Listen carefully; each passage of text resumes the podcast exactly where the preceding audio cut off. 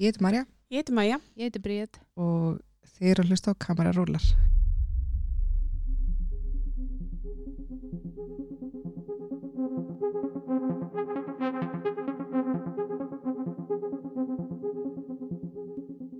Í dag erum við í Nova Sirius stúdíu podcastaðavarnar og hjá okkur er Tómas Örd Tómasson, verður velkomin. Takk fyrir. Þú ert kvikmyndatöku stjóri, er það ekki Já. rétt? Jú, jú, það er rétt. Hvað, gerir, hvað, hvað er að vera kvikmyndatöku stjóri? Er það Director of Photography? Já, á mörguleiti. Það er svona, uh, svona styggs munur á þessum heitum öllum. Ég er náttúrulega rugglast sjálfur á þessu bara, ég, ég hérna, er reyna að skýra þetta út, en, en sem sagt, í grunninn er uh, kvikmyndatökustjóri, hann er, hann sér um að segja söguna í gegnum linsu og, og, og aðstóða, myndi ég segja, leikstjóra við að, að færa sko, leik, leikstjórans sín á, á kvítitjaldið. Þannig að oft má kannski lýsa kveimtökustjóra sem sko þýðanda yfir í, í, í tæknimál og kannski listræna útfæslu á sín leikstjórans. Og þarna smitast oft sín tökumannsins með og þess vegna eiga margi leikstjórast til með að vera alltaf með sömu tökumennum og slús að þeir vita að, að hérna, tökumar er með svipaða sín eða, eða svona kannað þýðita yfir í, í hérna, myndmál og yfir á kvítaskjáin. Áhugavert. Þá er ég forritin að vita hver er uppáhalds bíómyndiðin og af hverju? Já, það eru náttúrulega margar. Náttúrulega svolítið erfitt að svara þess að því ég gerir svona pínu styggsmun á því sem eru samtíða, samtíma bí, bíómyndina mínar sem ég elst uppið og upplifið sjálfur og síðan eitthvað sem er svona lært eða eitthvað sem að, eitthvað myndir sem að komu út áður en ég fór að fylgjast með bíómyndum og, og þvíum líku þannig að svona þannig að ég set svolítið styggsmun þarna á að það, þú, maður getur til dæmis ekki í rauninni sko Citizen Kane er yfirleitt mjög hátt skrifið á mér Mm. En maður verður eiginlega að horfa á þá mynd bæði með sko glerugum sko þeirra manna sem að, og, og, og hvenna sem að sem að voru upp á þeim tíma sem myndi kemur út. Og, og síðan verður maður lí- líka kannski og dæmir þetta svolítið út frá samtímanum sem maður er í. Þannig að það sem ég finnst til dæmis sem ég sér sem Kane er að, er að hún er svona hún heldur ennþá þó ég sé að horfa á hana í dag þá finnst mér hún halda í svo mörgu eins og nútíma myndir gera Mm -hmm. þannig að mér finnst hún svolítið svona sérstök á því leitinu til og svo er mér gaman uh, verandi sagfræðingur að, að, að sko horfa og reyna að koma sér, setja upp þau glerugu sem samtíma menn uh, hérna Orson Welles voru með sko, þannig að mér finnst það líka svolítið skemmtilegt sko, Mhm. þannig að það er svona erfitt að segja kannski besta mynd þannig, jú ég myndi segja ábyggla Citizen Kane og líklegast Shawshank Redemption Já. Finnst það er tvær svona ansið hreint magnaðar. Mm og einmitt get ég líst upplöfu minni að sjóseng sem samtímamanni þegar hún kemur út. En hérna en get kannski alveg gert það með séri sem gein þannig að þetta er svona bara góðar myndir, segja góða sögu, myndmálið er er gott og, og hérna og kannski óþarfi, stundum bara óþarfi að segja hlutina, heldur bara þeir eru svolítið síndir og, Mm.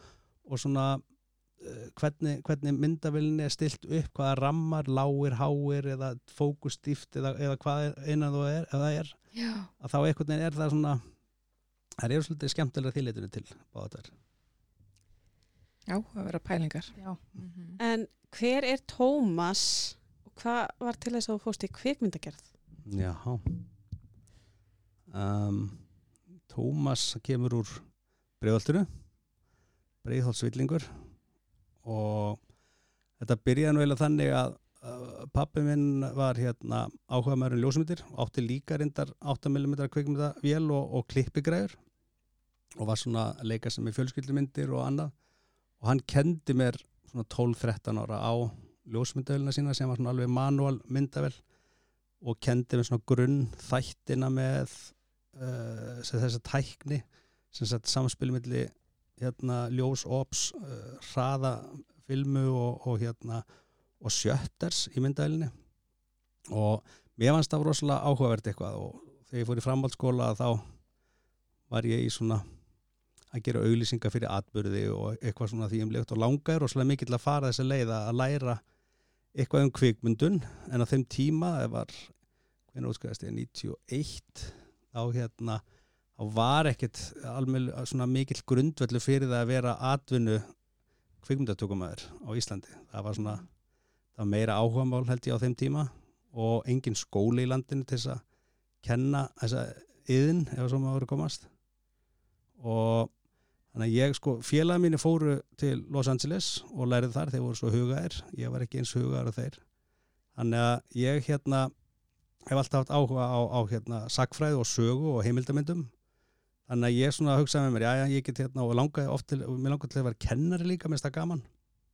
Og ég verið að kenna einmitt upp í kveimdaskóla og þannig að ég einhvern veginn sá mig líka og borðið einhvern veginn og ég hugsa bara ég fyrir sakfræðina, verið kennari kenni kannski sögu og starfræði og á sumrin get ég verið að leika mér í að gera heimildamindir verið þá að skrifa handriti sjálfur heimilda eitthvað tengt og, og verið þá að taka það sjálfur og klippa jafnvel og leikstur og gera allt svona einhvern veginn. Það var svona mín sín svo þegar vini minni koma frá eh, Los Angeles að þá hérna fara þeir svona að reyna að koma sér inn í bransan á Íslandi, komast annar er að kemst nefna inn í sagafilm og verður það framleiðslustjóri og hann er svona alltaf að ráða mig í, í svona lítil verkefni og svo les að því ég er svona kunni einhvað til uh, af áhuga mennsku minni Og varstu þá bara einhver svona litlum Já, var- bara svona auglýsingum eitthvað og svona stutt og var aðstóðtökumæður kannski eitthvað og kannski annar aðstóðtökumæður og svo fyrsti og, og eitthvað svona.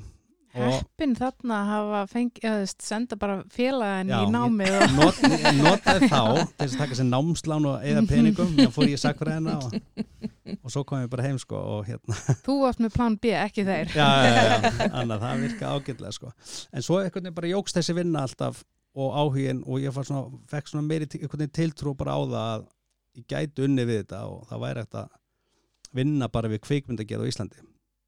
Að hérna, og þá, þá minkaði sakfræðin og jógst kvikmyndafræðin og, og einhvern veginn var þannig að vinnum minn plattaði mig síðan til þess að eh, mynda einhverju auðlýsingu fyrir sig og, og ég var þá aðstofatökumæður alltaf og hann plattaði mig þetta en ég varst ekkert verið tilbúin en eh, ég let svona slagt handa einhvern veginn og ég ákvaða að pröfu þetta og eftir það eiginlega var ekki svona aftur snúið. Ok, ég fann svona á bæði, bæði gæti svo sem gert þetta og líka bara hvað það er gaman að vera kveimtökumæður þannig að ég var svona ég var heppinu mörguleiti En þegar þú varst að pæla í að fara að vinna tengt heimildamyndum, þú veist, hver var þín pæling, hvernig heimildamyndi langaði þig að gera? Á sumrin, sko. á sumrin sko, lá- ég, ég, ég ætla að skrifa þér alltaf á kvöldin þegar ég var að kenna sko, ég ætla að vera svo döglegur yfir veturinn og nota sumari að taka upp sko. Mhm. en ég, mér langaði mér finnst Rocky Reykjavík alltaf rosa skemmtilega og ég er mikið gáðan á tónlist hlusta mikið á tónlist. Þannig að ég sá alveg fyrir mér að ég myndi vilja gera heimildamindur um kannski íslenska hljónsveitir eða, eða íslenska tónlist eða bara e eitthvað tengt Mhm. því eða list. Mér finnst gaman að myndlist líka. Þannig að eitthvað í þá áttina. Ok, og hefur þetta eitthvað tekið þangað í dag? Þú veist, ertu búin að vera að gera eitthvað svoleiðis verkefni eða, Já, já, ég held ég hafi gert svona flest það sem tengist kveimdatöku í gegnum tíðina sko. Ég hérna kynntist honum Ragnar Kjartansinni sem að gerir uh, á til að gera vídeoverk og við einhvern veginn ruglum saman reytum og, og ég hef gert svona all flest vídeo uh, tengt það sem hann hefur gert og það er rosalega gaman það er allt annar heimur heldur en, heldur en sko kvikmyndaheimur sem slíkur það er alltaf aðra forsendur, það er allt annað alltaf, alltaf aðra kvatir í rauninni sem liggja þar á bakvið. Á hvaða hátt þá? Já, það er til dæmis bara, já, hvað segir maður, markaslögmálin innan listarinnar eru aðeins öðruvísi heldur en kannski í kvikmyndum og, og kannski listamæðurinn eða semst leikstjórin eh, sem að kannski í þessu tilfelli að vera Ragnar að þá eh, það hefur alltaf aðra nálganir heldur en svona eitthvað sem að svona er beintengt einhvern veginn eins, eins og í kvikmyndum veist, það er alltaf aðra reglur það er ekki beint 180 gráður reglur veist, í samt við Mhm. klippi eða eitthvað svo leys heldur bara meira eitthvað sem sagt, að finna sögnina í verkinu og, og, og, og hérna og e- svona framfylgja því einhvern veginn og koma því á skjáin sko. Er það kannski svona meira abstrakt heldur en Já, það má eiginlega- segja það, þetta er, er, svona, þetta er abstrakt kvikmyndagerð. Já, já, ok Já, þetta er svona, og líka bara eins og segja, það er gaman, það er alltaf annar hópur sem er, er á bakvið og stendur á bakvið til dæmis myndlist heldur en kvikmyndir. Það er alltaf þessi fjármögna leiðir og, og þetta er bara einhvern veginn svona, þetta er líkt en mjög ólíkt. Það má eiginlega Mhm. kannski lýsa því þannig, sko. Ok, en svo ferð þú bara að vinna við kvikmyndagerða fullu og hvað, þú veist, hvað tekur við? Hvað tekur við? Um, já, ég tek hann eftir að félagi minn hann plataði mig til þess að Þór Ómar Jónsson, leikstöri, hann hérna plataði mig til að gera þessu auðlýsingum með sér. Þá veginn sá ég að mér, eh, mér langaði til að gera þetta og, og einbyrði mér að ég að vera kvimtökumæður og þá hérna þá verði ég uh, ef mig bóðið svona svipa leiti að vera aðstoftökumæður í Latabæ. Ú, og, og það svona leiti á svona eins og verið skref afturbak fyrir mig að vera þá aðstoftökumæður en ekki tökumæður sko, var búið að ráða Já. tökumæður sem var, var Karl Óskarsson og, og hérna en mér búið að vera aðstoftökumæður og þarna var einhver ný tækni sem var í gangi sem, sem eh, digital hérna, myndavel sem var orðið mjög góð og mjög lík filmunni. Og, og mér var svona ráðlagt eiginlega að okkur tekur þetta ekki að þér og lærir bara allt um þessa nýju tækni? Og, og hérna og þá allan kemur þú kemur út úr latabæ býrða þeirri þekkingu? Að því fram að þeim tíma var allt skoti á filmu. Og hérna í kvikmyndum og, og þessum geira. Og þannig ég á, ákveð það að, að eins og mér fannst það stíga skrif tilbaka og, og, og veða afstáttökum maður aftur og, hérna læra á stækni og, og það var svo að, að, að þegar Karl hætti í verkefnu og, og fór önnu með að þá hérna þá var mér búið að, að taka við þangu til annar tökum að myndi finnast og hérna og ætluðu þeir bara að þú erði bara aðstoftökumar en að því að Já. það var einhver já, ég, ég ve- veit náttúrulega man ekki alveg hvernig það kom til en, en það var allavega þannig að, að hérna það var ekki alveg búin að negla hver myndi taka við honum kalla og, og hérna og ég, ég einhvern veginn alltaf að brúa bilið og síðan bara ílendist ég í því og, og hérna og var þarna í tíu ár. Og fegst þú þá ekki bara þinn aðstoftökumar Jú, jú, svo, brey, svo breytist það sko, já, já. Já. En hvernig var að læra að fara úr filmunni og í digital? Það var nefnilega þessi latabæjar, latabæjar skóli sem var heldur góður þar sko, hann hjálpaði mann svolítið með það að hérna, auðvitað hafði maður þekkt alveg að, mynda á, á sko vídeo í rauninni sem var semst, myndbönd að, taka beint á svona vídeovélar. Þannig að þetta var svona fyrst áþekka að, skjóta á uh, vídeovélar og á, á hérna á digital. Uh, þannig að það var í rauninni ekki svo flókin breyting en svo örðu uh, þessar stafræni vélar miklu betri og, og nálgust alltaf meira og meira filmuna. Þannig að þetta kom í rauninni ekki kannski alveg eina, gerist ekki alltaf einni nóttu heldur þetta þróaðist og maður náði að halda í við þetta. Að, að bæði teknið þróun og annað sko. Þannig að, þannig að færa sig yfir var ekkert ekkert rosalega kannski erfitt en það var svona maður sá alltaf einhverja, sá filmun alltaf í nostalgíu einhvern veginn fannst alltaf vera betra sko eldur, en- eldur en digitali eða stafrana kerfið. Og en svo kannski svona upp úr það gerist eða þannig að í hruninu að þá gerist það pínlítið svona automatist. Það sem gerist er að er, við höfum ekki efnaði lengur að kaupa filmur auðan af því það eru allt í einu tvöfalt dýrari filmundar svo var tvöfalt dýrari að framkalla þær senda þær út og framkalla þær þannig að það eiginlega var ekkert hægt að gera lengur uh, auglýsingar á filmur. Og akkurat á þessum sama tímabúndi kemur myndavel út sem kallaðist, kallaðist hvað, Red One. Og, og hún var komið með þessa eigileika eða svona allan að vísi að þeim eigileika sem að filman hefur sko. Þannig að svo tækni eiginlega datt beint inn í bransan á Íslandi og mjög svona þakkláta því við höfum ekki efnaði að leia hvorki tækja utan nýja filmur eða, eða framkvöldun að þannig að, þannig að þetta svona gerði svolítið svona organist út af bankurhunni svolítið Mm. þessi, þessi yfirfæsla yfir í digital þannig að við tókum henni fegin sendi sko. Svona láni og óláni. já, það kannski má segja það Já. En hvernig var að vinna í Latabæ? Það er náttúrulega, við erum allan að ég er yngst hérna og á yngri bróður sem að Já, Lat- með var bara minn tími líka já. sko, alveg fyrst, bara, maður horfið fyrst á áður en þetta var það Lazy Town já, þá en horfið maður á uppsetninguna og þú veist leikritið og síðan var þetta orðið sjónvas þættir og eitthvað svona. Hvernig var að vinna bara með íþróttálfinum og sigga sæta þetta var alveg ævintýri. Þetta var rosalega, þetta var mjög krefjandi og en þetta var mjög gaman, þetta var svona alveg eins og eins og við slettum aðeins cutting edge technology sem var í gangi aðna Já. það var alveg þetta, þeir voru mjög framalega í þeirri tækni sem var til staða þá, þetta var hvað 2004 sem þeir, sem þeir byrja að taka þættinu upp. Og þannig að þetta var mjög spennandi umhverfi. Að mikið notað green screen og svona uh, þrí, uh, 3D svona teikningar fyrir aftan og svo leis svo notað brúður og síðan leikmynd. Þannig að það var svona mixture einhvern veginn af öllu sem var til eða svona í Mhm. bransanum, þetta var svolítið eins og maður væri í, í nammi búið og gæti einhvern veginn fengi sér allt sem að vildi blanda í sko, poka. já, blandi póka bara. En var þetta Þannig- þá ekki alltaf svona sama formið sem að þið voru að vinna með? Fannst Jú, þetta aldrei svona leðilegt upp á Jú, það að en svo, svo er svo mikil kennsli því sko, að því að, að því að sko uh, að, þarna kemur svona fyrst í almennileg finnst mér vísin af því af sko, veist, kveikmyndagerð sem yðin á Íslandi. Að, að hérna svona framæðin tíma var, voru svona lengstu verkefni einhvern veginn, ég ætlum kannski alveg alhæfa en, en svona, en lengstu verkefni voru samt svona, kannski svona yfirleitt bíómyndir. Það var lítið um sjómaserjur og, og hérna þannig yfirleitt var þetta svona einhver bíómynd sem tók kannski tvo mánuð að gera og síðan var bara verkefni búið og, og möguleg ekki önnu bíómynd það árið.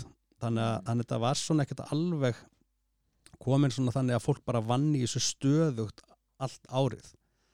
Þannig að það sem þetta gerði svolítið var að uh, maður þurfti að vera svona svo ég slettunum meira, konsistent gera, að, að gera hlutina eins af, af mjög miklu leiti um, uh, og, og halda alltaf sama standardnum halda sama lúkin og gera það aftur og aftur. Og maður þjálfaðist hansi mikið í því bæði, bæði ég og, og, og þeir sem ég var að vinna með að þetta gerði svolítið mikið þannig að setti mentalitetið einhvern veginn þannig að, að hérna að maður lærði að sjá þetta ekki bara sem einhverja listgrein eða svolítið heldur líka sem yðin þannig að þarna kom það svolítið inn fannst mér og hjálpa mér mjög mikið að, að hérna að, að geta mitt framkalla sama hlutin eða sömu lýsingu aftur og aftur og, og svona og haldið í svona jafnvægi eða í stöðugt sko. ég man nefndi eftir því að það var eitthvað skot sem við skutum sko 2004 að þau eru jafnvel klift við skot sem við gerðum sko 2012 Vá, þannig að og það, þau lúkkuðu það nálat hverju öðru að, að þau kliftu saman sko. Á sérstaklega sem að notaði í, í, í hvað heitir hann það heitir áhættu atriðin, á, áhættu leikurinn já, Já, já. að, að þá eru við ekkert alltaf að nota uh, hérna uh, flikkflak heljastökkinans Magnúsar heldur, Mhm. heldur var kannski einhver annar sem að gera það fyrir hann og þá gotum við nota það aftur aftur í þátt til þátt sko já einmitt. þannig að svo lýsing sem var kannski tekið 2004 að hún þurfti þá að tengjast og lýsast uh, senuna sem ég gerir kannski 2012 eins ok. þannig að þarna kom svolítið svona svoleis uh, hvað, ég, ég, kannski við, yðntækni inn í þetta Mhm. sem, að, sem að hefur nýst mér mjög vel í gegnum tíðina sko. Já, mér finnst það magnað Mhm. að, bara einmitt að þurfa að pæla í þessum hlutum að ert svo einmitt, hvað varst í tíu ár í Latabæ Já, þetta voru sagt, tí, að, tíu ára tímabil myndi ég segja en það var kannski skotið í eitt ár svo var Já, frágangur, svo undirbúningur og svo fór aftur í gang og svo var eitthvað smá bil en þetta, ég held ég að við ég held ég að myndast hundra þætti rétt rúmlega. Hvernig var að vinna með svona Magnús Geving og, og börnum og svona? Og brúðum Já, brú. brúð. Sérstaklega. Já. það var bara frábært Mhm. það sem er svo frábært en Magga að hann er mjög kröfuharður og hann er ekki síst kröfuharður á sjálfan sig þannig að maður fann það alltaf að, að ef, að- ef það var einhver tíma sem hann var að byðjum mjög mikið að, að þá fann maður samt alveg og, og, og, og svona skinjaði að hann var líka að byðja sjálfan sem það sama eða, eða kannski tvöfalt meira Mhm. þannig að, þannig að hann átti mjög einfalt með að að því að hann gerir svo mikla kröfu til sjálfsins að, að leggja kröfur annar á aðra Mhm. og þá, veginn, og þá var það bara fannst manna það í rauninni í lægi og, og þetta var bara mjög gaman, það var mikill kraftur í þessu og, og hérna kom þessu batteri í gang og, og, og gera það á Íslandi það er bara þrekverki Það var stórt verkefni já, Það var allt tekið upp hérna á Íslandi. já. Ég held alltaf að þið værið með stúdíó úti eða eitthvað. Nei, nei, það var bara byggt stúdíu í Garðabæ og þarna voru við Já, En þegar þú varst í þessu, varst að gera þá eitthvað annað með eða var þetta bara vinnan? Nei, á einhverju tíðanbúndi þegar veist, á milli þess að var undirbúningur eða, eða sest, frágangur Mm. eða tökur á, fyrsta aft, á í ganga aftur þá kannski gerði ég stittir verkefni eins og auðlýsingar og, og tónlistavídeó, Mhm. verk með Ragnar í kjartansinni og eitthvað í þá veru en það er, eh, auðvitað er ekki allt gott með svona góð verkefni. Það sem kemur á móti og ég fann að ég átti erfitt með að að sko byrja að fóta mig í er nei í kvikmyndum. Og, og hérna að því kvikmyndi taka svo langa tíma, und, undirbúnustíma að þá einhvern veginn uh, var bilið á milli sísonuna í, í hérna latabækin og löng. Mhm. svo ég kæmi fyrir bíómyndar. Þannig að maður þarf eiginlega að vera með svona kannski fimm bíómyndir næstu því í gangi bakvisi og, og mismunandi stegum hérna framleyslunar til þess að halda þessu rúllandi svo kannski þetta er eitt af þessum fimm verkefnum inn og þá getur maður gert það og maður þarf alltaf einhvern veginn að, að, Mhm. að halda þessu gangandi en þegar þú ert í svona löngu verkefni svo latabæði þá þá næri maður því ekki þannig að ég var svona tildulega sett til að, að, að, að svona hasla með völl í kvikmyndum Mhm. út af, og mörguleit út af þessu held ég Var ekki erfitt þá eftir að vera búin að vera í þessu í tíu ár, að, var það ekki tíu ár, Já. að síðan er það búið og ekki byrja á byrjunarreit en þá samt svona bara hvað það er núna að gera. Já, akkurat, það er nefnilega það tengir svo svolítið held ég með kvikmynda því ég, mér alltaf myndist svona mest spennandi einhvern veginn að gera kvikmyndir að, og vinna í þeim að, að þá fann ég alveg að, að þegar ég klára latabæ og ég svona fyrir að byrja að, að koma upp þessum fimm verkefnum í, í, í hérna í, í gang einhvern veginn og, og hérna þá fann ég alveg að það tók alveg tvö ár eftir ég kláraði þá til ég geði fyrstu bíómynd eftir ég kom út til latabæ. Mm þannig að, þannig að það var svona að tók alveg tíma sko en svo einhvern veginn svona fer þetta, rúla sko. Vá, hvað varst að gera tvö ár? maður er alltaf að gera eitthvað maður, er, Já, alltaf, maður er alltaf í hérna auglýsingu þá eða tónlistamindbundum eða heimildamindum eða Talandi um já, langar, Já. ég, ég held að ég veit ég hvað. held það Já. líka. Mm. Damien Rice já, Já, við erum miklir aðdáðandur um að. Miklir ég var aðdándur með líka, líka að já, við vorum að bara ræða þetta þannig að Bríett kom sko. Býtu, En- hvað hérna, hvernig færðu bara tækifæri á að taka upp svoleiðis tónlistarmyndband? já. Um, það er voru hérna um, leikstjórarnir er íslenskir og Steppi og Sig, Siggi Kinski og Stef, Stefán Otneldi og skammaður með að heyra þetta. Já, já, það er alltaf allavega, þeir hérna Stefán þekkir eh, Damian og Damian færði til að gera tónlistamömbönd og, og hérna og Stefán byrði mig um að gera Það er, þetta er nokkert flóknari það sko Þetta er bara maður þekki mann sko já, þetta er bara svo leis, bara íslenska leiðin sko Hvernig var að vinna með hann? hann er alveg frábær en Damian sko. Er hann svona rólegur eins og hann verðist verið í tónlistinni sinni? já, hann- hann er svona en hann er hann er alveg ákveðin og með sína skoðanir sko og hann var alveg alveg fastur á því að hann vildi gera þetta allan í áttina því sem að endaði sko Einmitt. þannig að hans sín var alveg mjög sterk sko hvernig er munurinn að taka upp tónlistamindband versus auðlýsingu versus kvikmynd eða þætti? Veist, er, er, er það undirbúða á mismundi hátt eða það er kannski einna helst uh, lengd verkefnisins eða svona eins og, eins og myndband uh, það er að segja tónlistamöndband að þá er það í rauninni kannski þryggja fjara mínútna verk sem þú ert að gera það kallar á kannski kannski tveggja til þryggja daga undirbúning á meðan verkefni sem er kannski kvikmynd sem er 30 kannski dagar í tökum kallar á veist, 30 daga 35-40 daga. Þannig að undirbúningurinn fer svolítið eftir hvað er margir tökunda, hvað er mikið efni að vera að gera sem, sem, svona endalegt efni.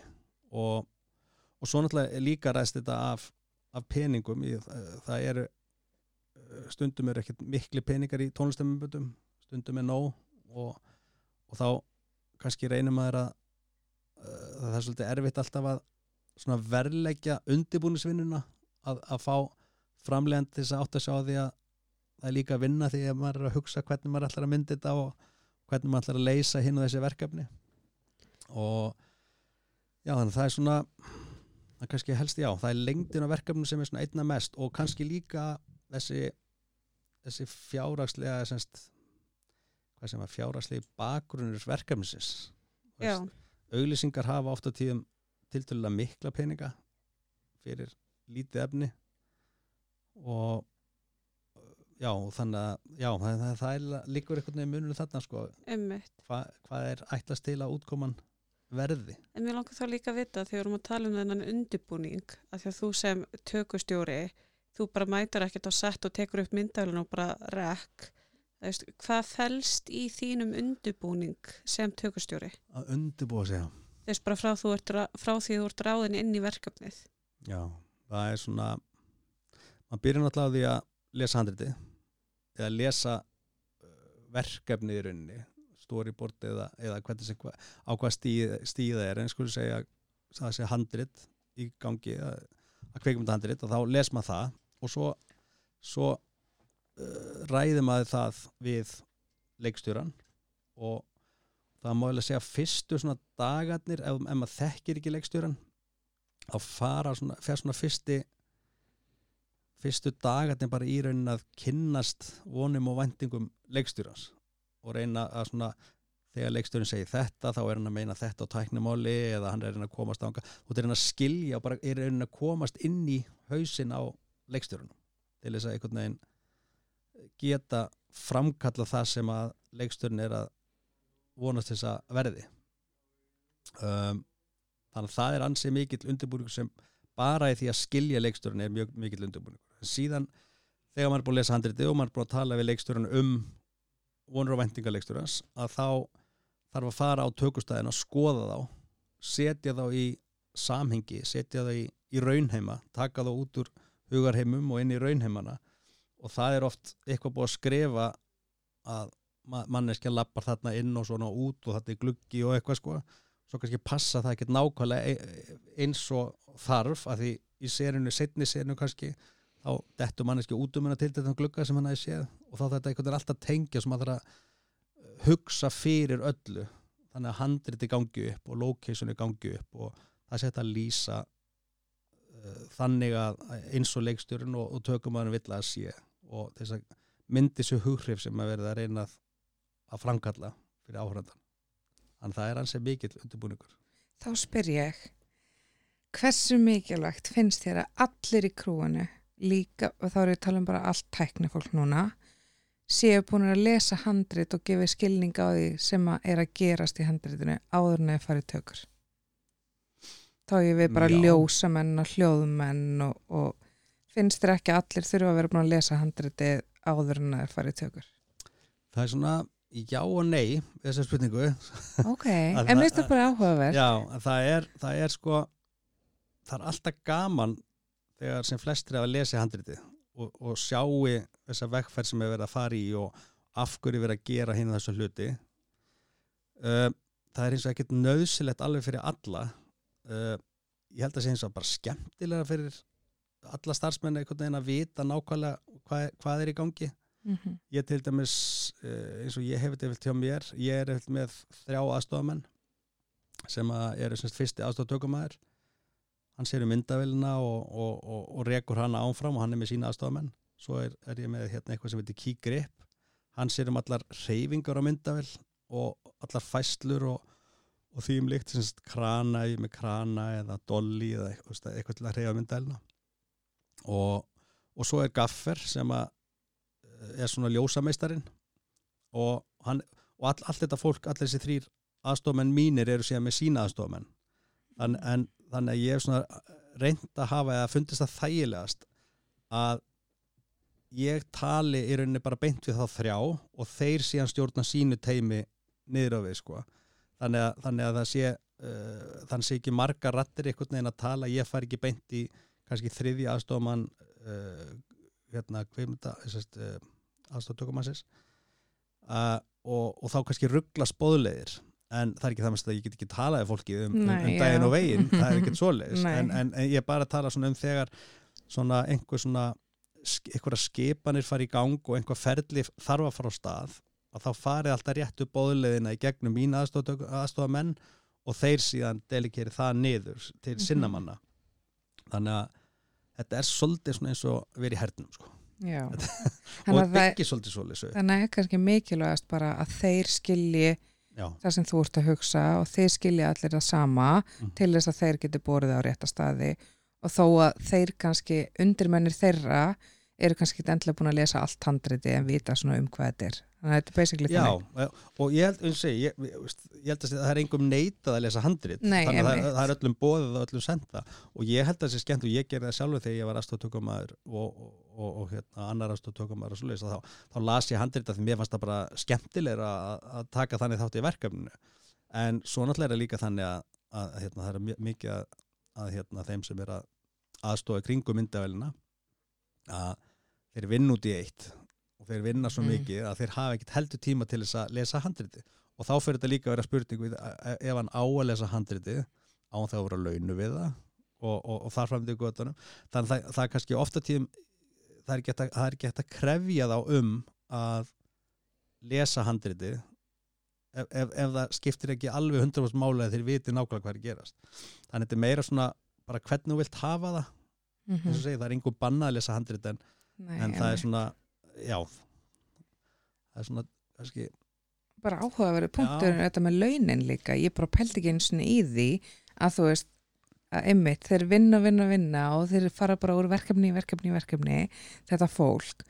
Og svo einmitt að ætlast til þess að kannski búið að lesa hundra og eitthvað blæsina handrit skiluru, mm, einmitt á maður að vera launin með það, ég hef aldrei hugsað þetta svona, ég hef alltaf hugsað bara auðvitað mætur bara vel undirbúin og þú bara lest handritið skiluru, Mm. akkur er þetta ekki búin að lesa handritið, ég hef alveg verið þessi típa. Þannig að að það er mjög áhugavert að heyra þessa hliða á þessu.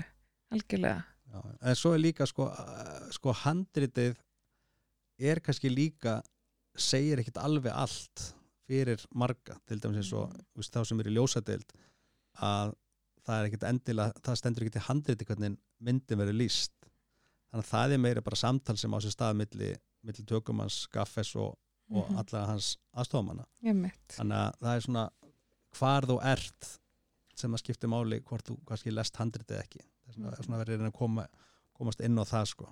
Hljóðminn til dæmis þeir kunna vilt handritið betur en ég sko. Já, það kannski þurfa líka aðeins meira, maður veit ekki já, bara upp á hljóðheiminn, þetta er náttúrulega bara allt, allt annað dæmi, sko, og lesa handritið á allt annan hátt heldur en til dæmis ég les handritið. Einmitt. En hvernig lestu handrit, er það að brjóta það niður og svona þetta var hér, þetta var svona? Ég fyrir mig uh, ég lesi yfir handritið einu sinni bara fyrst hratt yfir það var svona tilfinningu fyrir því hvert er að fara. Og við það myndast einhverja svona uh, einhverja hugmyndir og, og eitthvað svona í hausnum á mér sem að einhverja nálganir sem ég kannski finnst áhugaverðar og eitthvað svoleiðis. Ég kannski nótir þar hjá mér svona til þess að muna eftir þeim eða svoleiðis. Svo les ég aftur yfir og þá fer ég miklu meira svona grundigt í það að lesa það semst hver er innri tími sögunar hvar breytist já, sá tími uh, flashback eða, eða svo bara alls konar atrið sem að hafa áhrif á áferðmyndarinnar uh, áhrif á tökustílin uh, og allt þetta þá fer ég svona meira djúft í það sko.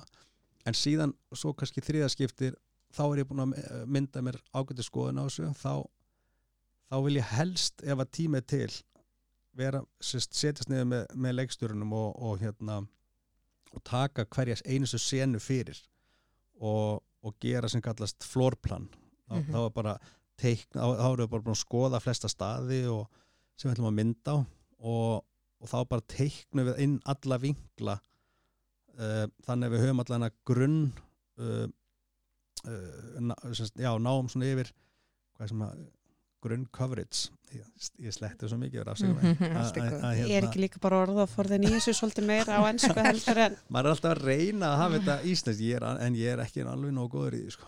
en já, þann, þannig, að, þannig að við sjáum sko allan að eina grunnleið til að klippa sig í gegnum sérina og svo kannski breytist það þegar maður kemur á tökustað að þá kannski fæðum við okkur aðra hugmyndir en maður er alltaf með þá í, í bókinni, ég kalla það stundu biblíuna mína Mhm. að að vita allan að eina leið til þess að leysa verkefni og, og það er svolítið svona þægilegt ofta því oft er þetta svona káttist og þetta er svona uh, senur er ekki teknar í réttri tímaröð og annað sko að þá er mjög gott að hafa brotið niður handrit og vita nákvæmlega hvað, hvað þú ert svona stattur í uh, kurfunni á kvikmyndalir nálgun ef Mhm. svo má voru komast. Þannig að En þú sem kveikmyndatökustjóri hef, hefur þú eitthvað áhrif á klippið?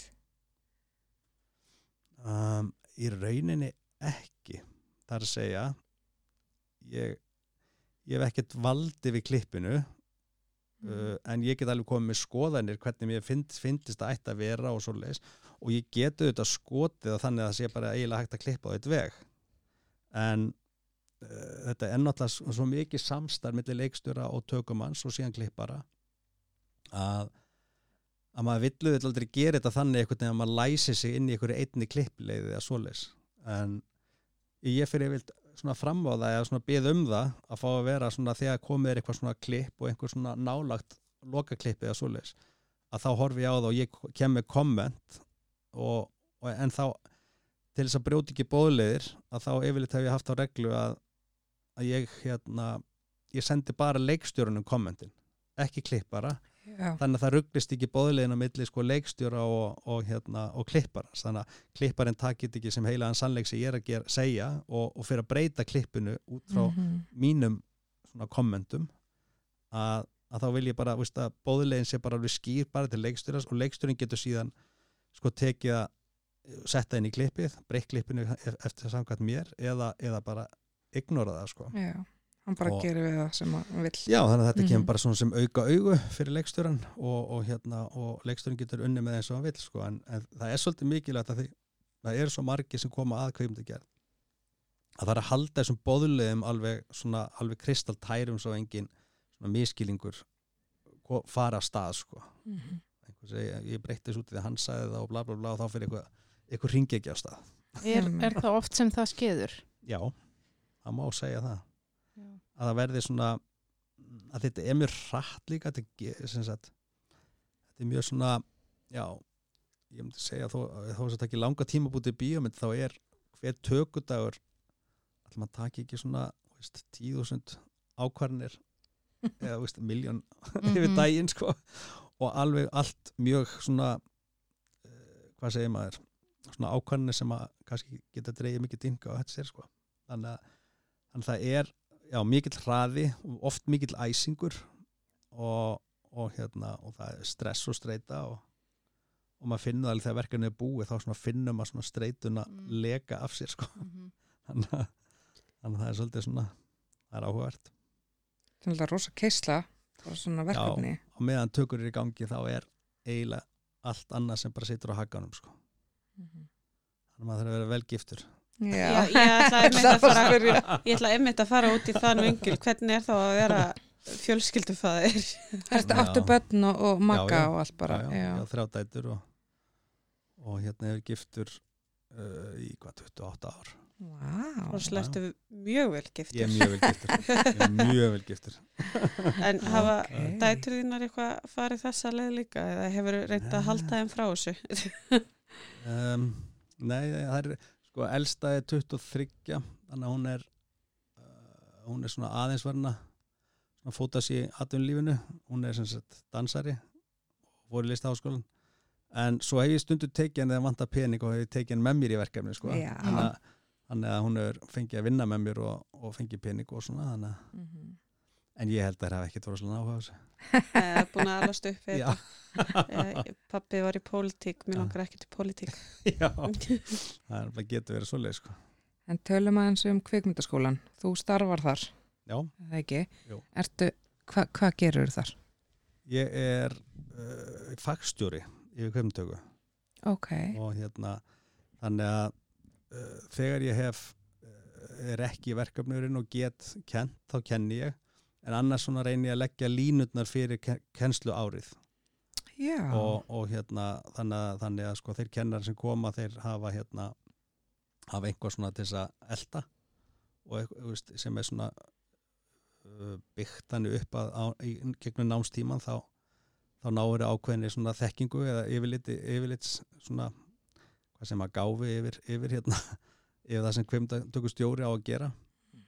En ég reyna að kenna eins mikið og get og alltaf því laus og jafnvel hefur það verið þannig að þegar, þegar ég hef verið sagt, ykkur kennari eða búið að ráði allar stöður og svo leis að þá hef ég tekið kannski að mér einn masterclass býð þá kannski ekki bara bekknum heldur líka fleirum sem hafa áhuga á því og, og svo leis og þá get ég líka komið með svona beint input inn en skemmtilegast fyrir mig nú ef ég næja að klára allan einu önn já. sem við krökkunum einhvern veginn og, og svoleið sko. en það er bara þannig að, að hérna, skólanir eru náttúrulega reknir bara með lámas peningum og, og það er erfitt í rauninni að vera bara kennari og það er ekki bara á Íslandi heldur út um allan heim sko.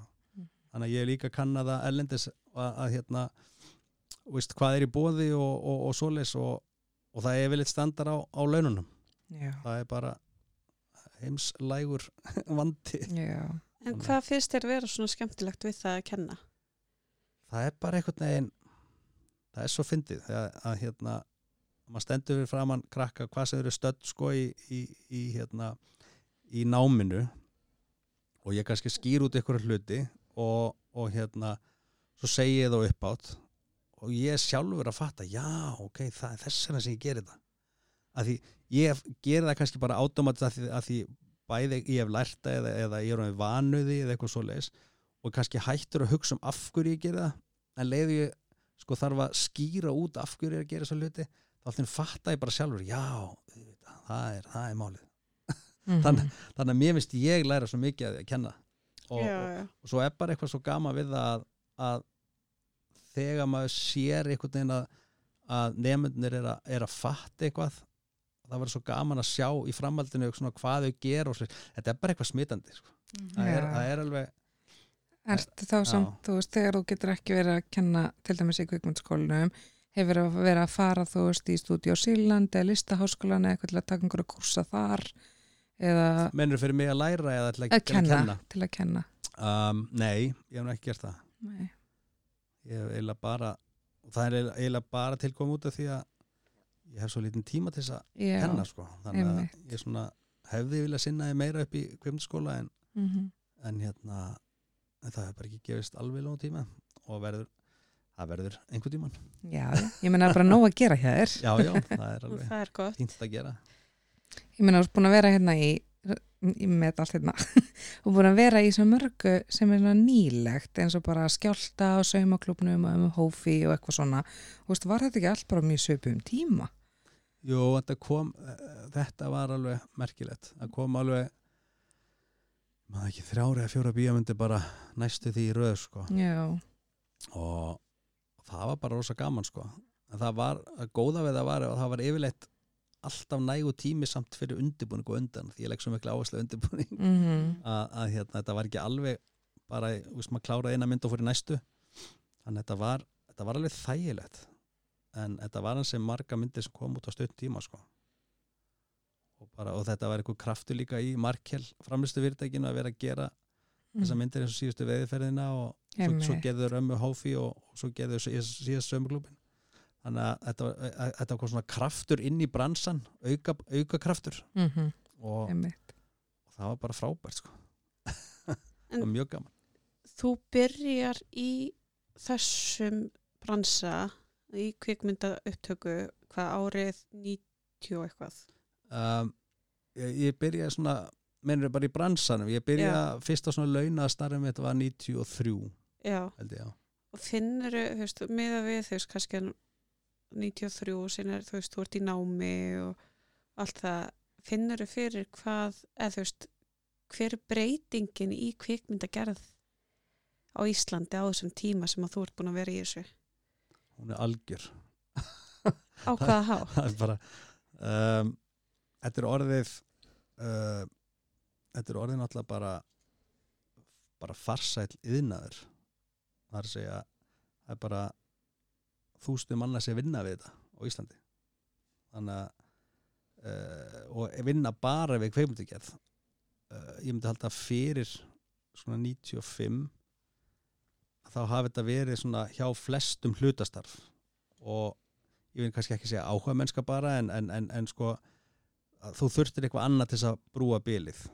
Ég maður til dæmis eftir að þegar í kringum 2000 þá er ég ennþá aðstoftökumæður og við vorum held í tveir eða þrýr á landinu sem vorum aðstoftökumenn á þeim tíma. Það var ekki samt nóg fyrir okkur að gera mm út árið. Núna er þeir held í 20 og það er aldrei hægt að fá aðstoftökumann með, með litlu fyrirvara sko. Mhm. Þú veist, þannig að bara svo breyting er alveg, alveg gífuleg og ég, árið 2000 er ég, ég afstáttökum með svona uh, nummer eitt í rauninni. En ég er samt sem aður tekka að mér að vera location manager finna locationir.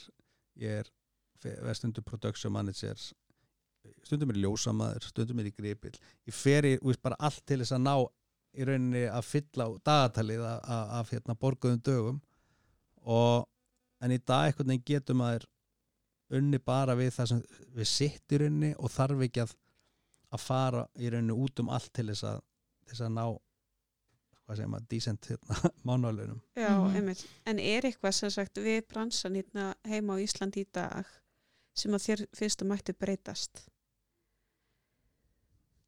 hmm, Þetta er góð spurning Það var svo erfið Ég ætli þurfi ekki meiri tíma til að hugsa um þetta. Já kannski Um, bara, já. Jú, jú, það er ábyggilega það er ábyggilega margt sem betur mætti fara. Um, en svo er það líka bara frá hvaða svona sjónarhóli menn sjá það. Það sem að mér finnst mætti breytast finnst kannski öðrum deildum að þyrfti ekkert að breytast og, og svoleiðis. Ég sé þetta kannski svolítið út frá sjálfum mér. Um, sem tökumanni þá er ég alltaf til í meiri undirbúning að, að, að það sé um, litið á það sem, sem alveg hluta af vinnunni, maður er svolítið ennþá að berjast fyrir því að fá þann undirbúrstíma sem að þarf. Uh, en ég, ég veit ekki eins og ég þetta er, ég þarf að hugsa eins um þessa Mhm. spurningu greinlega Já, er kannski samt alveg og, sens að kannski, og kannski er hún pínu pólitísk líka 100%. en, ef leiðum að fyrir að segja eitthvað þá, þá, þá hérna er maður bara að grafa sín eigin gröf sko. en, en ég veit það ekki ég, ég er svona, Það er svona þórum maður aldrei að segja neitt. Já, já. já það er pínu svoleið sko. Mhm. en um, já En sér náttúrulega bara eins og þú segir, þú veist, frá hvaða sjónarhorni sér það, þú veist, þú getur aldrei svarað fyrir neitt nema sjálfa þig já, og kannski fyrir þinn flokk eða þú veist, mm, fyrir hönd kvikmyndagerðamanna eða þú veist, tökustjóra sem að vilja fá já. einmitt fleiri undir Jú, það er reyndar eitt sem að uh, fer svolítið í töðunum mér en ég veit hins vegar ekkert hvernig á að leysa það og það er uh, hvernig styrkjakerfið er og virka Mhm. gagvart hérna, tökumunni sérstaklega A- ok að þá, þá hérna þá er það þannig að ég þekki það nú ekki alveg í þaula en, en, en hérna en það er þannig að það er svona einhver punktakerfi í gangi og ef að þú fær styrk frá Íslandi fær síðan meðfram þessu styrk erlendis frá að þá er einhverju punktar. Og tökumenn eru til dæmis mjög hátt skráðir og fá marga punkta og þá til dæmis ef það kemur erlend kóframleysla með pening í eitthvað verkefni að þá heimta þeir að tökumærin komi líka frá því landi sem þeir peninga koma. Ó, og, og, og þá að því að það er svo margi punta sem að koma einhvern veginn út af tökumannum að þá er það oft þannig að tökumennir koma ellendis frá út af þessu styrkja kerfi sem er í gangi. Eins og við sjáum að ef við tökum síðustu eddu að þá voru fimm tilnefndir þrýra þeim voru erlendir. Ég oft pælt í þessu. Ég hef oft pælt í þessu hvaðan þessi erlendur nefn og ettinu Já. koma og ég er bara eitthvað frábært þessi fullt af erlendum aðlum að vinna með okkur og eitthvað en ég held, já, já. Ég held þetta verið þessu uppsett en það er reyndar ekki alltaf þannig. Stundum eru til dæmis eins og allavega einhverja þeim sem voru núna tilnefndir veit ég að leikstjórnir vilja þetta eru- tökumenn sem, að, sem að voru með þeim í skóla úti og, og, og þeir bara vilja vera, vinna með þessum tökumennum 100% og það er alveg gott að blessa. Og er, maður veit alveg hva, hva, hvaða dæmi það eru. Mm -hmm. en það er hitt þetta þegar, þegar leikstjóra er rauninni, íslensku leikstjóra með íslenskt handrit, íslenska styrk er í rauninni sko, hann getur ekki sagt nei við styrknum hann hefur ekki efnaði þannig hann verður að teku erlenda styrkin og þarf þá að taka erlenda tökum að líka með Eru þeir ein- þá búin að ákveða tökumann eða verður hann bara að vera einhver annar? Já, ég veit ekki alveg hvernig þetta er útfæst en, en ofta tíðum er kannski fær íslenski leikstjórn að kannski velja mellir þryggja leikstjóra sem kemur frá Svíþjóði eða þeir landi sem peningurinn kemur frá sko. Þannig að þetta hefur svona þetta hefur hallað svolítið á okkur kveimtökustjóra að, að hérna þetta, þetta kerfi en svo kannski get ég ekkert endilega kvarta því ég tek myndir í öðru löndum líka Já, og, en það er endur ekki út af styrkjakerfi, það er út af því að leikstörnin vill fá mig þannig að það er pínlít öðru sig en samt ég er mögulega að taka vinnu af einhverju sem að er í Já, því landi já. sem ég var að gera vinnu veist, að gera myndina Mhm. en, en að þannig hinga til veit ég að það hefur ekki komið til út af, út af styrkjum þannig Nú var ég að læra eitthvað nýtt. Já, algjörlega, ég líka já, já, þetta- en ég þekki þetta kerfi ekki alveg nóg vel en ég Mhm. veit bara að, að, að ég hef ég hef allan að verið inn að gæslega bara ráðin í einhverja vinnu einhverju einhver, einhver bíómynd og svo fæ ég bara síntilega, já já, sorry þetta er aftur að koma, þetta er styrkur utan þegar ég vilja fá tökumenni er líka þannig, að- það er, það er mjög þreytandi sko. Sen er þetta rosalega mikið bara peningavandamál já, í þessu veist, og hvað þá já í svona litlu landi eins og hér. Já, já, og það sem hafa líka verið að skerða sem sagt fjárlögin til kvikmyndagerðar og já, já. þannig að þetta er alltaf flókin staða. Já, já, ég hef alveg fulla sambúð hérna, hjá, hérna, hjá framleiðendum og, veist, að þeir, þeir þurfa að standa í þessu. Þeir eru kannski búin að ve- vera stundum hef ég verið búin að vinna uh, kannski viku í undirbúningi og svo allt henni kemur eitthvað styrkur í ljós og þá bara, Tómi, sorry Einmitt. Ég- Já, ég skil þá vel að þetta sé pyrrandi. í, í því tilfelli sem ég er að hugsa um að þá fekk ég reynda að borga fyrir undirbúningin og þau segja Ok. bara sorry, þetta borguðu það sem búin að leggja í þetta en við bara getum ekki neyta þessum pening og utan en Einmitt. þetta er rosalega erfið staða líka sem að framleiðin er í og, og, og leikstjórin kannski búin að mynda sér mynda samband við, við tökumannin Mhm. og allt svoleiðis og síðan var alltaf bara klifta það út af, út af einhverju svona, einhverju svona peningalegs eðli Einmitt. sko. þannig að þannig að þetta er svolítið að ég myndi vilja svona allan að koma einhverju regla á svo hluti þannig að það væri ekki alltaf svona þetta væri ekki svona su- surprise alltaf þegar það kemur sko. já. Já, það er eitthvað bóið við þetta. Þetta er, þetta er spes. Ég er sammála, þetta er, þetta er svona pínu sérstakt sko Hvað er að skemmtilegast það sem að þú hefur gert? já, Ég veit þú sagðir á hann og mannst ekki neina sögur og eitthvað, þú hlýtur að muni eitthvað svona já, skemmtilega sem ég gert ekki skemmtilegasta verkefni sem ég gert. Jú, nema, nema þú viljið tala um hvað er að skemmtast sem hefur gert. Máttu ekki að segja okkur það? Rússibanin og tenni. Bara það sem þú vilt sko. Já, ég held að skemmtast verkefni sem ég gert er hérna, það er myndlistaverk eftir Ragnar Kjartason sem heitir Vistos og það var bara einhvern veginn allt í því sem að bara gekk upp og var svo frábært það var einhvern veginn Ó, en ljúft. að, já, Mhm. það, það var tæknilega mjög flókið og svo fórum við öll út og, og myndum þá til New York einhverju svona kastala það var allt eitthvað svona drömkend við, þetta- við þetta verk og, og hérna ég tók fjölskyldur minna með mér og við vorum hérna í tvær vikur og allir listamennir einhvern veginn voru hérna líka og, og, og þetta var bara eitthvað svo frábært ég fann það þegar verkið var búið þegar ég hérna þegar ég, ég átti að öskra kött í lokin komið veist, og það þau löppu frá myndavélin eitthvað og ég býð þeim lengi eins lengi og ég get og ég, svo öskraði kött og og þá einhvern veginn bara fann ég bara, oh shit þetta er, þetta er að besta sem ég hef gert og ef mun og mun ábygglega gera.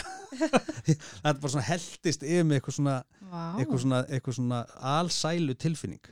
Og ég fann bara þetta verk verið alveg geggjað þannig að það var svona já, svona sterkast held í tilfinning sem ég fundi eftir því loka verkefni. Og síðan einhvern veginn hjælt bara þetta verk áfram að gefa að, að hérna uh, við vorum að ákvæða hvernig við ætlum að, að hérna uh, lúpa það saman eins og sagt er, eða semst láta það semst ganga hann að gangi endalust og en svo er bara einhvern veginn gerðist hlutinir þannig að einhver klippari sá einhvern hlut og þá vildi hann einhvern veginn breyta því og það geði verkið ennþá betra. Þú veist, þannig að það bara hjælt áfram að verða betra mér þess að í eftirvinst og bara alveg, þannig að þetta var svona einhvern veginn alveg eitthvað draumadjóp. Og hvað það er ekki ekki. þannig að, að það er að sem er örgulega ekki þú veist, oft sem það gerist það er bara svona ég, smelli allt. Mhm. já, þetta var einhvern veginn svoleiðis bara. Þetta var alveg ótrúlegt. Hvað væri svona draumaverkefnið Fyrir utan draumaverkefni sem er komið nú Já, þegar. það er, myndbandi með Demi erfitt Ræs nefnilega því það er komið sko. Já, ég búið með það, já. allt downhill frá mér sko.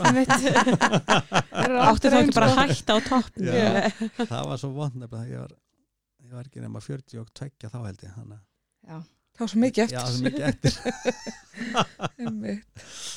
Uh, draumar mér finnst bara, mér finnst rosa gaman að að gera kvikmyndir. Mér finnst það eitthvað rosalega spennandi við að segja sögu og, og ég vil bara halda því áfram og, og fá bara fleiri skemmtilega handrit og, og bara halda því einhvern veginn áfram. Mér finnst það aðeinslegt Mér finnst samt svo fyndi að því að þú lærðir sagfræði þar sem þú varst að grúska í gömlum handritum og læra sögu og allt það. Og sen ertu bara svona eiginlega búin að snúa við að búa til sögu.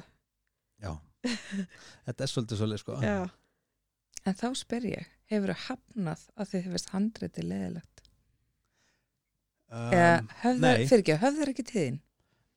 ég, all, ég oft spurður að ég væri til að taka þessa mynd að þér ég held þetta sé bara svona kurtisi spurning Mhm. að, að, því, að því sko ég er bara ekki stattur þar á mínu ferli að ég get bara valið og hafna á verkefn Nei, og það er bara þannig að, að hérna uh, ég held ég hef einu sem sagt neif við verkefni uh, að því bara langar ekki til að taka, þú veist, til að taka þátt í því.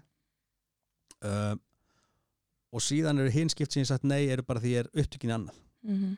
þannig að ég hef alltaf tekið að mér eiginlega bara flest sem eru búið en það sem er svo skemmtilegt við þessa við þetta starf er að, er að sko ef, ef sko í fyrstu finnst mér eins og verkefni sé ekki spennandi ég get alltaf fundið einhvern vinkil sem að gera það áhugavert fyrir mig og ég kannski segjum til dæmis að sagan mér finnst hún ekki spennandi eða svoleiðis að, að þá finn ég bara einhverja leið fyrir mig til að gera það sko spennandi það sem ég er að gera og, og þetta, það er svolítið starf líka kvimdukomansins held ég að, Mhm. að hérna að einhvern veginn, já, sjá eitthvað skemmtilegt og, og áhugavert út úr því um, já, þannig ég veginn, já, ég komst einhvern veginn svolis í gegnum þetta en ég stundum hugsa, ó, það er gott að ge- geta bara verið með 20 handrit á borðinni á sér og bara valið úr Mhm. Neip, Já, neip, neip, neip, já, þetta já, nei, nei.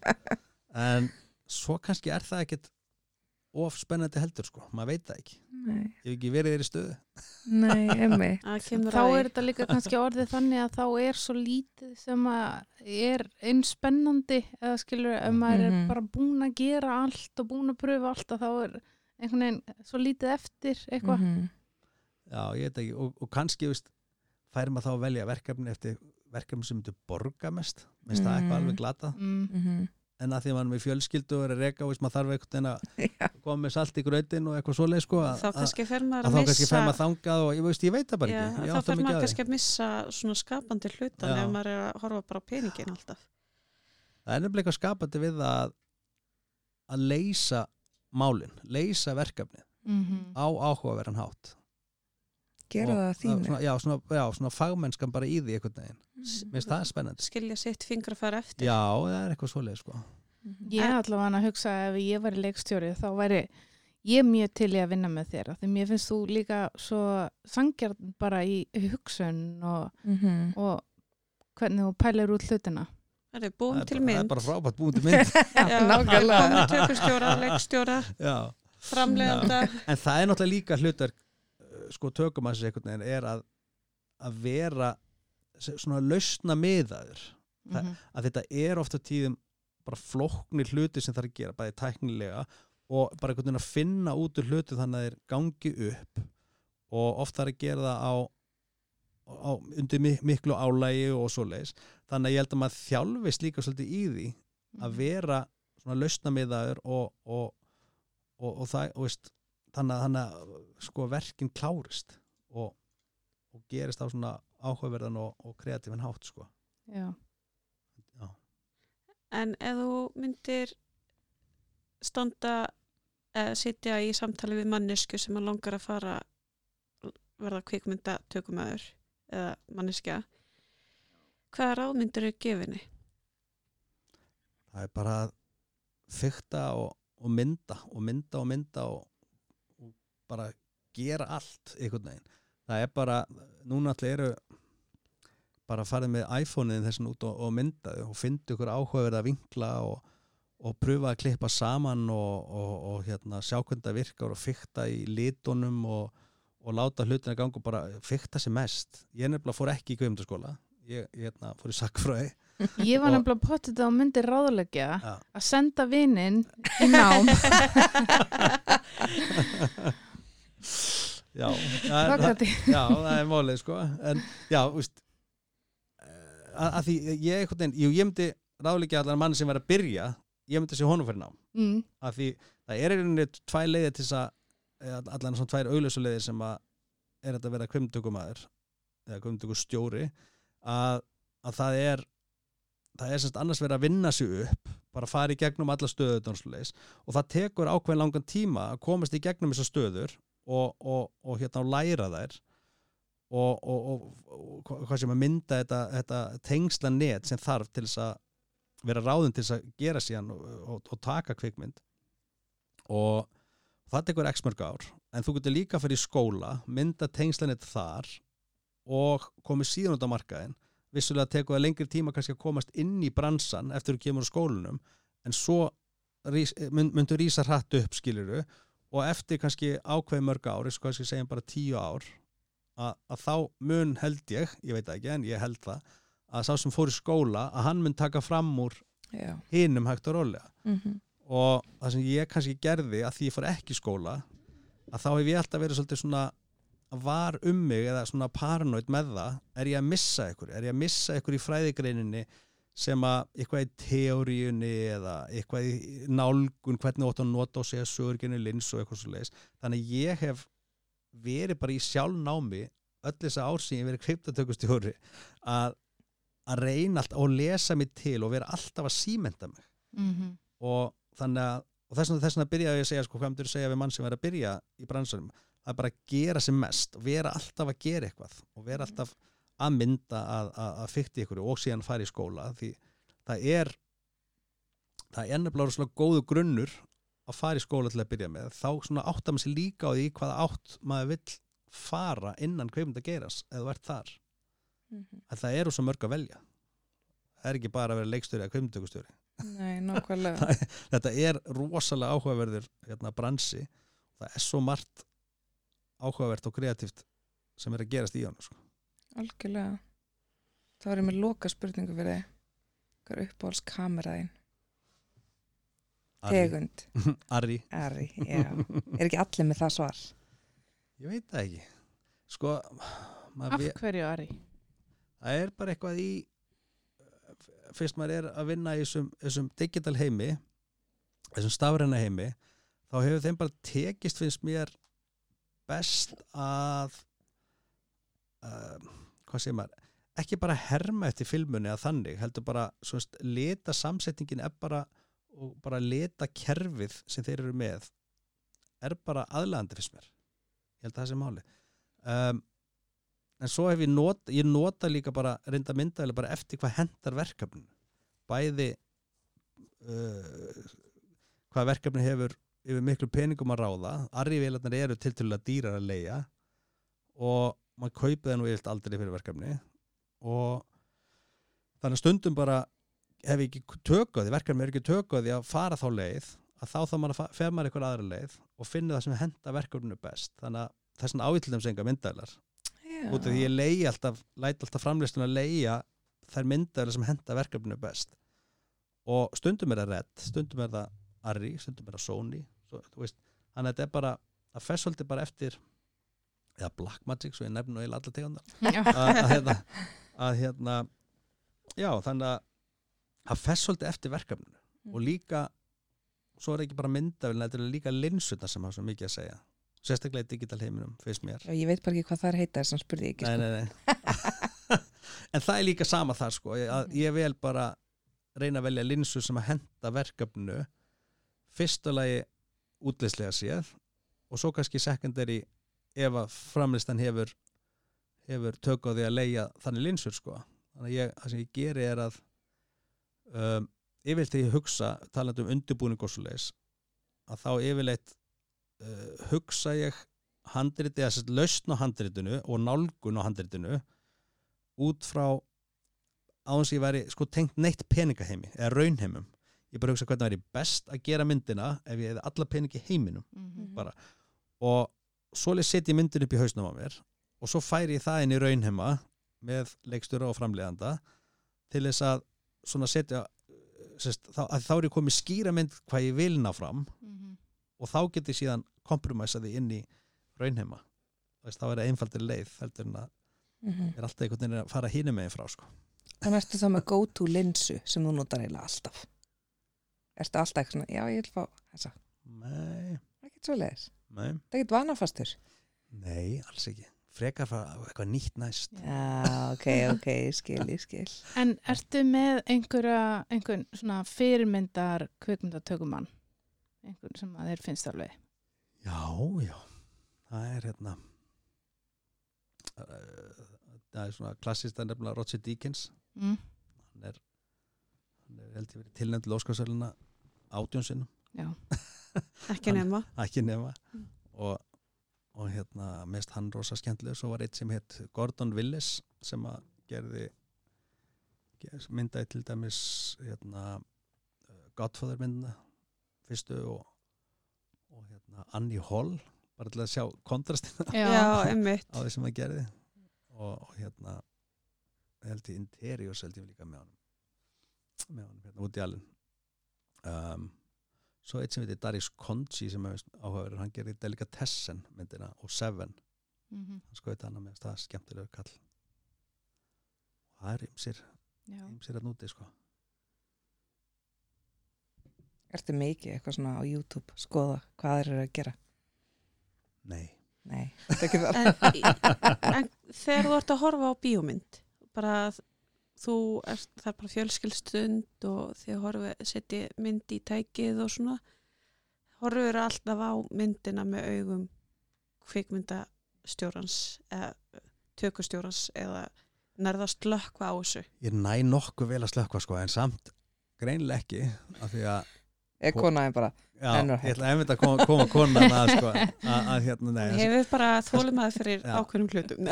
Það, það sem að hún nefnilega bendi mér á að ég hef ekki fattað að þegar ég er að vinna í verkefnum þá get ég ekki hort á sjónvarp. Ég horfa aldrei sjónvarp, ég fattaði þetta ekki.